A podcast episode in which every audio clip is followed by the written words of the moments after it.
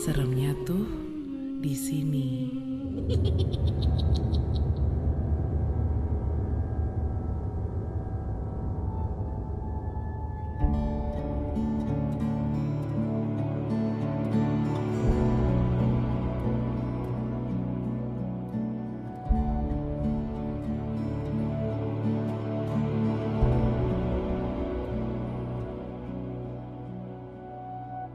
Bisa punya unit apartemen sendiri itu rasanya pencapaian banget deh.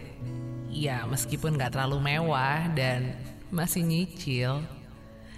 Biasanya setiap pindah ke tempat baru selalu aja ada cerita-cerita serem yang gue denger. Tapi kali ini enggak loh. Dan to be honest gue juga gak begitu tertarik sih sama hal-hal kayak begituan. Buat gue cerita serem itu cuma berlaku buat mereka yang gak ada kerjaan.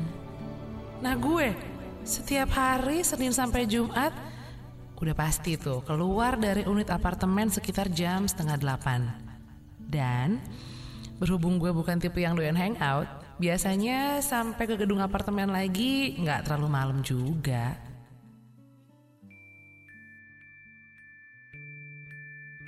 Hari ini tuh, aduh ampun deh, badan gue berasa capek banget. Dari pagi kerjaan numpuk, belum lagi harus mobile ke sana ke sini nemenin si bos. Ya maklum deh, namanya juga sekretaris. Unit di apartemen ini emang masih ada beberapa yang kosong. Jadi wajar-wajar aja kalau masih dikit banget penghuninya. Eh mbak mbak mbak ikut mbak ikut mbak. Oh iya iya. Aneh banget sih nih cowok Liatin mulu dari tadi. Jadi gak enak hati gue. Bukan GR Tapi malah jadi takut gini. Tapi tampangnya sih cowok baik-baik ya. Tampilannya juga orang kantoran banget kok. Ya udahlah no worries deh. Lantai 5 Oh Anak lantai 5 Eh Tapi sebelum keluar dia ngasih kartu nama sambil bilang, Mbak, sore nih. Ini kartu nama saya. Kalau ada apa-apa, hubungin ke nomor saya aja ya.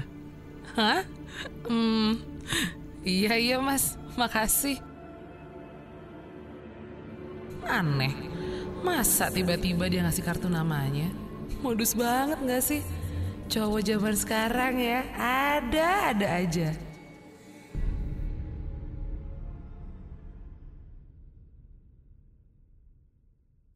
Besok pagi, waktu berangkat kerja, gue ketemu sama cowok itu lagi di lift.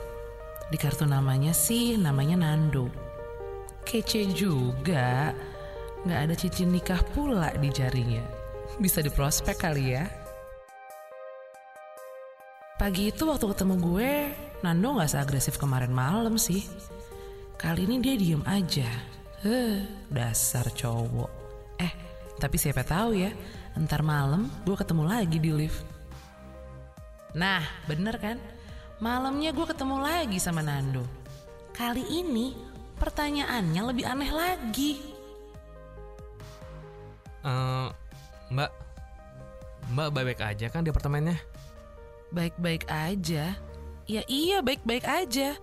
Em, Mas Nando ini kenapa ya? Kalau mau kenalan bilang aja kali. Eh, nggak gitu mbak. Eh, maaf, maaf deh kalau ganggu. Eh, cuma Tuh lantai 5 keburu kebuka pintu liftnya. Ih, aneh banget sih dia. Kalau mau kenalan ya bilang aja sih. Aneh banget. Malam itu sesampainya di dalam unit seperti biasa gue langsung mandi, nonton sebentar dan sebelum tidur pasti dong baca buku dulu. Tapi nggak lama waktu gue lagi baca, telepon di unit apartemen gue bunyi. Jam segini, telepon di unit bunyi. Siapa yang nelpon ya? Security kayaknya. Tapi ada apa ya? Hmm, ya udah deh. Telepon akhirnya gue angkat.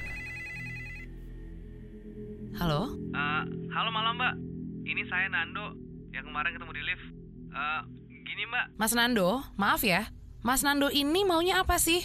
Jujur ya mas, saya tuh serem sendiri jadinya. Pokoknya kalau sampai ngubungin saya lagi, saya bakal lapor security.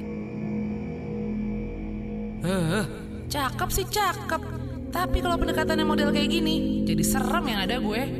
Pokoknya kalau sampai dia macem-macem, bakal gue laporin ke security.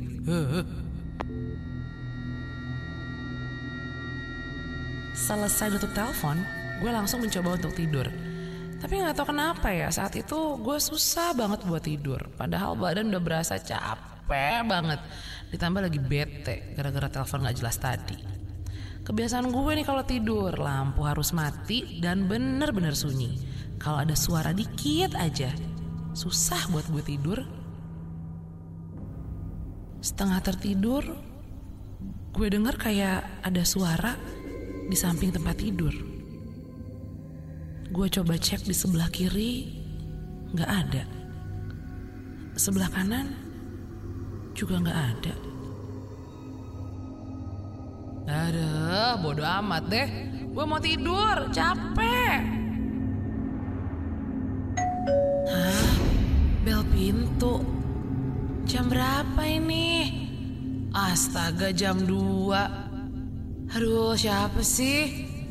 Jangan bilang itu si Nando. Gue cek dulu deh. Waktu gue cek, dah bener kan itu dia? Oke, gue langsung mau telepon security aja. Waktu gue dial telepon, loh, kok mati lampu? Gue cek lewat jendela, hah? Cuma unit gue aja. Yang lainnya masih pada nyala kok. Aduh, asli. Jadi takut banget ini.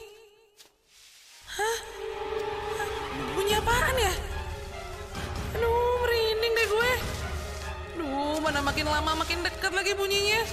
Mana gelap banget ini ruangan. Cahaya yang didapat tuh cuma dari lampu luar doang. Jadi jadi terangnya seadanya doang. Hah, suaranya udah hilang. Ya udahlah, bukain pintu Sinando aja deh. Waktu gue mau jalan ke arah pintu, nggak tahu kenapa kaki gue kok berasa berat, berat banget ya. Kayak, aduh, kayak ada yang, kayak ada yang megangin. Waktu, waktu gue lihat ke belakang, ya Tuhan, ada yang, ada yang megangin kaki kiri gue.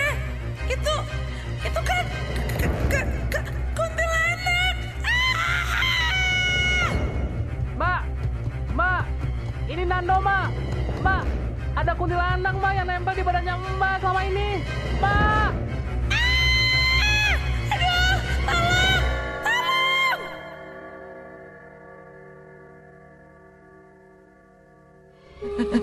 Seremnya tuh di sini.